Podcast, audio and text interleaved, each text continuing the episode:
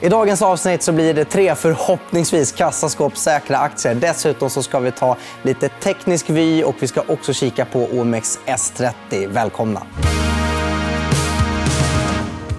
Och med mig i studion för att prata om det här har jag Martin Hallström från Swedbank. Välkommen hit. Tackar, tackar.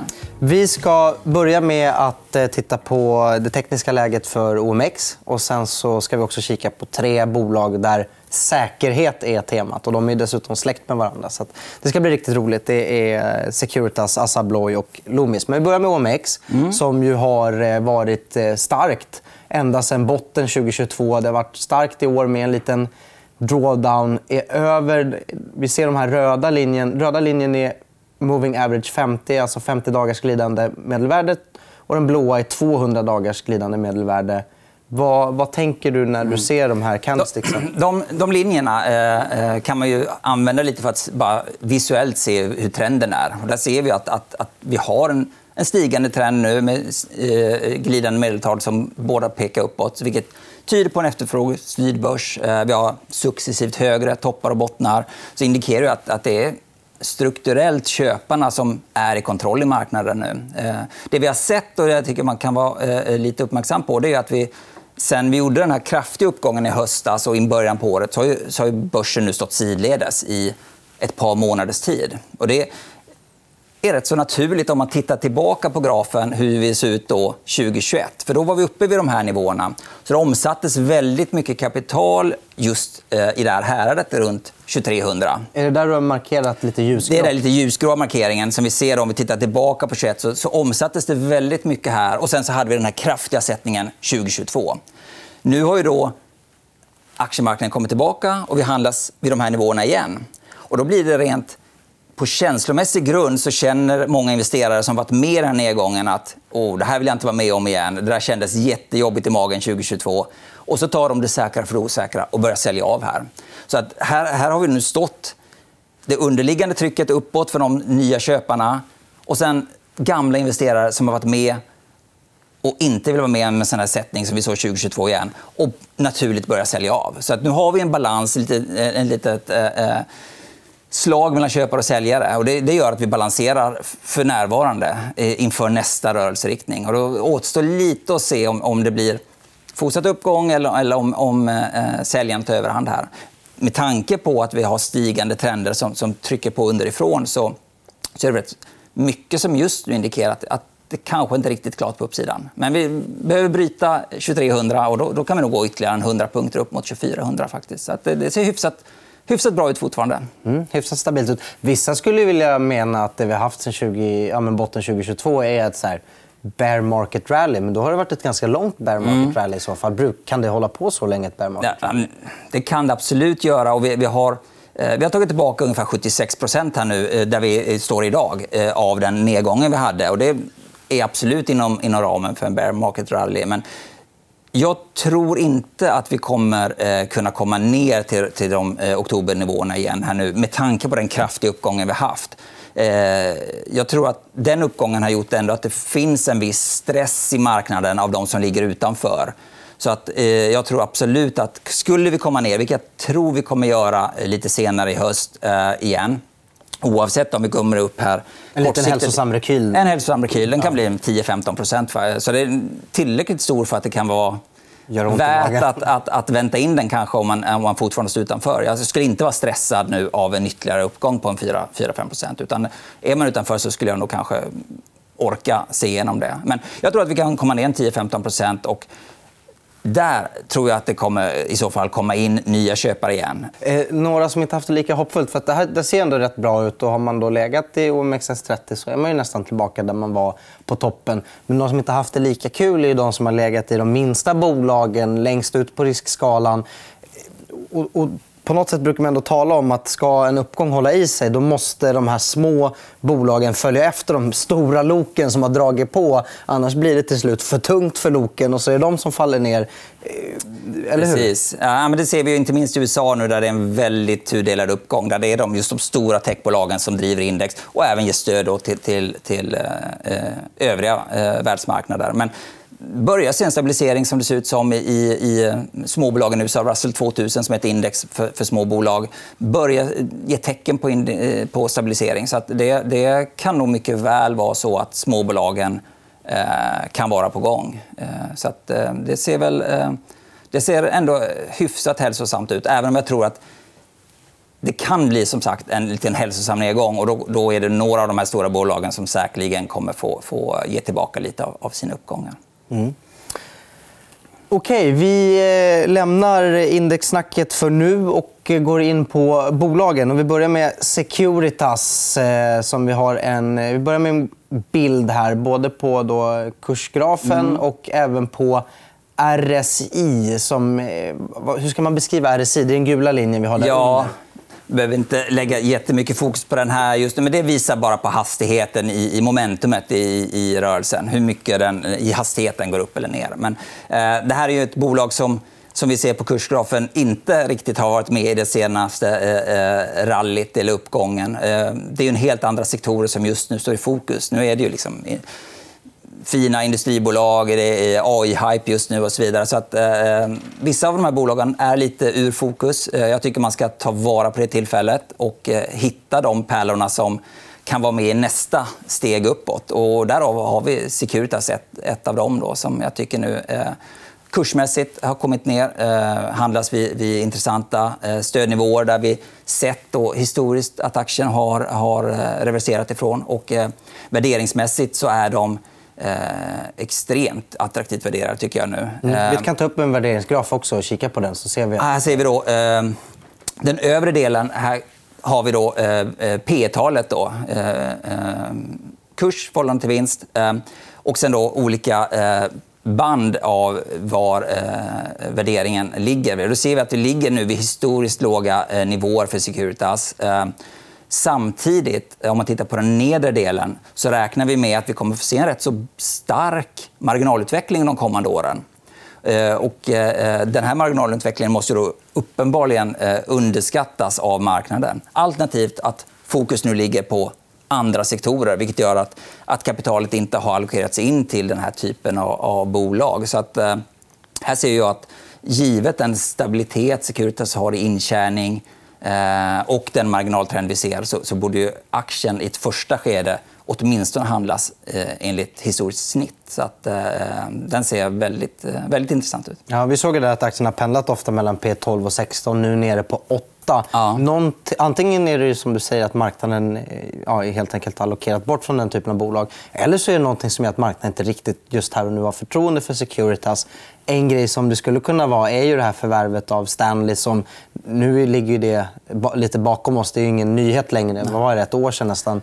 Men, men, det blev ju väldigt utskällt. Att, men varför köper de ett så dyrt bolag ja. nu som de själva ägt dyrt? Kostar mycket pengar, behövde göra ny emission. Kan det vara det som gör att marknaden är skeptisk? Ja, men det tror jag absolut eh, det hänger kvar där. För Det var ju då liksom det började gå ner. och eh, Sen så har vi liksom, Eh, skapade lite skuldsättning och så vidare som, som gjort att, att det kanske har varit ett, ett investerarintresse som varit lite lägre i bolaget. Eh, det där är ju bakom oss nu. och Drar vi fram tiden så ser jag att det här är ett jättebra förvärv. Vi ökar nu den digitala delen av Securitas från 20 till i år någonstans 35 eh, Och Det är en, en, en, som sagt, en del av, av den nedre grafen vi ser här. Att det är en del av det som gör att vi får en högre marginal i, i det här bolaget. Eh, och det tror jag eh, kommer eh, vara en tillräckligt knapp resurs för att, att prissättas eh, lite längre fram i tiden. här. Mm. För, precis, för att eh, Securitas som de är idag, eller idag, men, men det man tänker är ju ordningsvakter eh, och olika typer mm. av liksom väldigt personalintensiva verksamheter. Och då tänker man hur mycket marginal kan man ta på det? Borde vara ganska lätt att konkurrera med. Och något annat bolag säger att vi ger dig så här många kronor mer i lön och så pressas marginalerna. Att just då jobba mer med högteknologisk typ av övervakning, digitala produkter det måste vara lättare att få upp de marginalerna. Absolut. Eh, och sen som sagt, kombinationen tror jag är ett bra erbjudande som blir svårare för andra aktörer att, att gå in och, och helt eh, konkurrera med pris och så vidare. En, en oro också tror jag är det här med just att de är så personalintensiva så att man är orolig för lönekomponenten i Securitas, så att det har hållit tillbaka lite. Jag tycker det är lite tudelat. Jag tror ju som sagt att det kan bli lite tuffare i höst eh, eh framöver och att vi även kan gå in i en lågkonjunktur. Och till skillnad från många andra bolag så, så Securitas, i och med att de är så personalintensiva, gör ju att i en lågkonjunktur minskar löneinflationen och även personalomsättningen. Och det är en väldigt stor del av kostnadsmassan att ständigt behöva träna upp ny personal. Så att tittar vi på finanskrisen till exempel så steg rörelsevinsten i absoluta termer varje år. Så att det här är en väldigt stabil verksamhet som, som klarar sig igenom lågkonjunkturer på ett annat sätt än många andra bolag gör. Så att, eh, jag, tycker det eh, skapar förutsättningar för att klara sig en eventuell, en eventuell lågkonjunktur framöver. Så när marknaden nästan blir för het, då blir det fler som konkurrerar. Eh, personalen byter arbetsgivare snabbare, de måste rekrytera in nytt, utbilda. Det blir nästan för snabbrörligt för dem. Precis. Ja, precis. Och då, då kan man ju komma, eh, söka sig till nya jobb. helt ja. enkelt. Men, men, i en lågkonjunktur stannar man kvar på sitt jobb.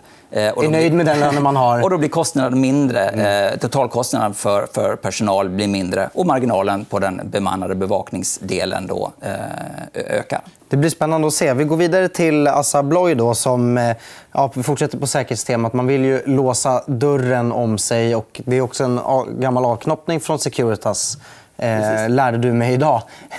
eh, här har vi en ytterligare då, en kursgraf, 200 dagars glidande medelvärde, den gula linjen. Ja, jag tror till och med det är på veckobasis. Eh, men det spelar ingen roll. Trenderna är ju ändå eh, långsiktigt stigande. Ja. Eh, det är ett väldigt stark aktie historiskt. Men har vi också sett här att de gått rätt så sidledes, konsoliderat nu en, under en längre period. Och... I typ tre år, ser det ut som. Ungefär. Ja, precis. Eh, de gjorde ett förvärv, ett stort förvärv eh, eh, som marknaden inte riktigt har uppskattat. Jag tror att det är ett jättebra förvärv. Det går inte att växa i USA organiskt och ta den positionen. så att Man måste i så fall göra ett förvärv. Och Eh, eh, nu har de gjort förvärvet, det har blivit godkänt och jag tror att eh, eh på sikt så kommer det vara jättebra i backspegeln. Även om marknaden just nu tycker att det är kanske lite dyrt. Och man hade kanske hellre tagit ta prislappen som finns nu än, än, när de gjorde förvärvet. Men det var då den fanns tillgänglig att köpa. Så att, jag tror, det var ett bra förvärv. och likaså Assa, precis som, som vi tittar på Securitas, är ju väldigt lågt värderat nu eh, mm. med tanke på, på den eh, sidledesrörelse som vi har haft här i, i, i kursen. Vi tar upp värderingsgrafen och mm. tittar mm. så ser vi här också hur värderingen har kommit ner. Här får du förklara lite grann vad det är vi ser. Eh, ja, den övre delen det är återigen eh, P-tal. Mm. Eh, som sagt, eh, det är kursen eh, mot vinsten. Eh, sen då de här skuggade delarna, eh, det är då bara standardavvikelser från snittet. Så att, eh, vi kan se att vi då är Eh, dels i, i då det måttet, eh, över en standardavvikelse från eh, snittvärderingen eh, och i botten eh, av där den tidigare har eh, vänt upp. Så att Assa Abloy är väldigt låga eh, värderingsmultiplar eh, samtidigt som, återigen, om vi tittar på den nedre delen, att vi ser en, en rätt så positiv marginaltrend här de kommande åren. För att det som har hämmat Assa Abloy utöver det här förvärvet, kanske, eh, eller synen på förvärvet, det är att stålpriserna stack iväg rätt kraftigt för, eh, för ett par år sen. Och då hade Assa Abloy svårt att kompensera. Men det, Assa Abloy har en styrka i sig att de aldrig sänker sina priser. Eh, så att nu slår vi igenom då prishöjningar som infördes 2022. Vi kommer fortsätta se prishöjningar i år samtidigt som stålpriserna har fallit tillbaka. Så det här blir en, en, en double whammy in på marginalerna. Så att, eh, jag ser att marknaden inte riktigt kanske har tagit till sig den marginalutvecklingen kommer få se här i Assa Abloy de kommande åren. Och, eh, eh, givet den så, så, ska vi inte handlas till de här multiplarna. Eh, och likaså där, om vi tittar, eh, så är det en väldigt stabilitet i intjäningen. Två tredjedelar av Assa Abloy är eftermarknad. Så att de, de, är ju inte lika påverkade av cyklisk efterfrågan som många andra eh, eh, industribolag. Så största delen av deras intäkter kommer inte från att installera nya lås utan att ta hand om de som redan sitter där de sitter?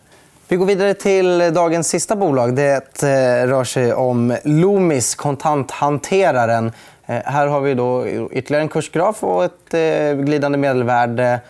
Ja, och... Här ser det ut som de är en ganska positiv trend sen 2020. Ja, ytterligare en avknoppning från Securitas. Så att eh, nära släkt alla tre bolagen. Securitas i fart till alla barnen. Så är det verkligen. I det här fallet i alla fall. Ja. Eh, jo, nej, men de som sagt tog ju väldigt mycket stryk självklart eh, då pandemin slog till. Men, men sen dess har ju återhämtningen varit stark. De har haft mycket stark eh, organisk eh, tillväxt här nu i, i spåren relativt då, efter pandemin. Fick en liten smäll här nu i, i slutet på april. Eh, men har kommit tillbaka som vi ser nu till, till kursnivåer som är väldigt intressanta. De har agerat både stöd och motstånd historiskt. Jag tror att vi återigen kommer få se eh, köpare komma in vid de här nivåerna. Det, det här är ett bolag som, som kanske kan vara lite svårt för många investerare i Sverige som, som själva tycker att de inte använder kontanter och så vidare längre. Men, men kontanter används i väldigt stor utsträckning eh, runt om i världen fortfarande. inte minst då i USA, som, där Loomis är väldigt starka. Så att, eh, eh, det finns eh, goda tillväxtmöjligheter för Loomis eh, även framöver. Mm. Inte minst då kan man säga att de, den resan som Sverige gjorde eh, på banksidan för länge sen håller ju på nu, där bankerna eh, lägger ut sin egen kontanthantering till externa aktörer som Loomis. Så att vi har ju fortfarande en tillväxt i branschen av att bankerna eh, eh lägger ut sånt på eh, såna bolag som Loomis. Eh, sen har ju Loomis en egen, en egen ben, eh, SafePoint heter det, en helhetslösning som närbutiker, snabbmatsrestauranger och så vidare kan använda eh, för att eh, eh, hantera sina kontantkassor på ett, på ett smidigare sätt. Så att det finns, det finns goda förutsättningar för tillväxt i Loomis, även om vi skulle se en liten en lite svagare eh, eh, kontant eh, to totalt sett så att säga, i användning i, i, cirkulationen. Att det kraxar många olyckskorpar om att den här branschen den kommer inte finnas kvar det kanske också gör att det ställer sig inte massa blivande konkurrenter i kö och det är kanske inte jättemånga som känner att de vill starta en ny kontanthanterare. Exakt. Det blir inte, det, det blir inte så mycket kamp om marginalerna där, eller prissatt. De, de de har sin del. Sen, sen finns det väldigt många eh, mindre aktörer. Eh, men Loomis är ju då eh, väldigt lågt skuldsatta. Så att det är en konsolidator i branschen. så att De kommer kunna fortsätta växa också via förvärv och ha utrymme för mycket förvärv. Så att den, den, känns, den känns väldigt strukturellt bra. Vi tar en snabb blick också på värderingen. som även den. Här har du ja, också jobbat med P tal och så ser vi då att... Precis. Det, ja, det är ett litet tema här på de här tre bolagen. Att alla tre bolagen handlas till, till historiskt låga värderingsmultiplar. Eh, där de tidigare har bottnat ur. Så även, eh, även Loomis gör här, som ni ser här på, på den övre sidan. Samtidigt som vi ser då att eh, SafePoint-tillväxten i USA. Eh, vi ser eh, även då möjlighet eh, för Loomis Pay då att kunna addera till, till eh, marginalutveckling eh, och priskompensation i, i Europa, inte minst. Så att vi ser eh, alla tre bolagen historiska eh, värderingsmultiplar eh, eh, på, på eh, bottnar eh, samtidigt som marginalen eh, är på väg uppåt. Och det, det, är inte, eh, det är inte rimligt, tycker jag. Det, det bör se en uppvärdering i, i alla tre bolagen. Mm.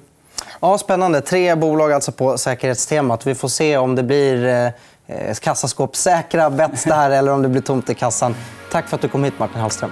Du har lyssnat på EFN Marknad, en podd som produceras av EFN Ekonomikanalen. Du hittar programmet även i videoformat på Youtube och på efn.se. Kom ihåg att prenumerera på podden och följ oss gärna på Instagram för fler aktietips. Där heter vi EFN Aktiekoll. Ansvarig utgivare är Anna Fagerström.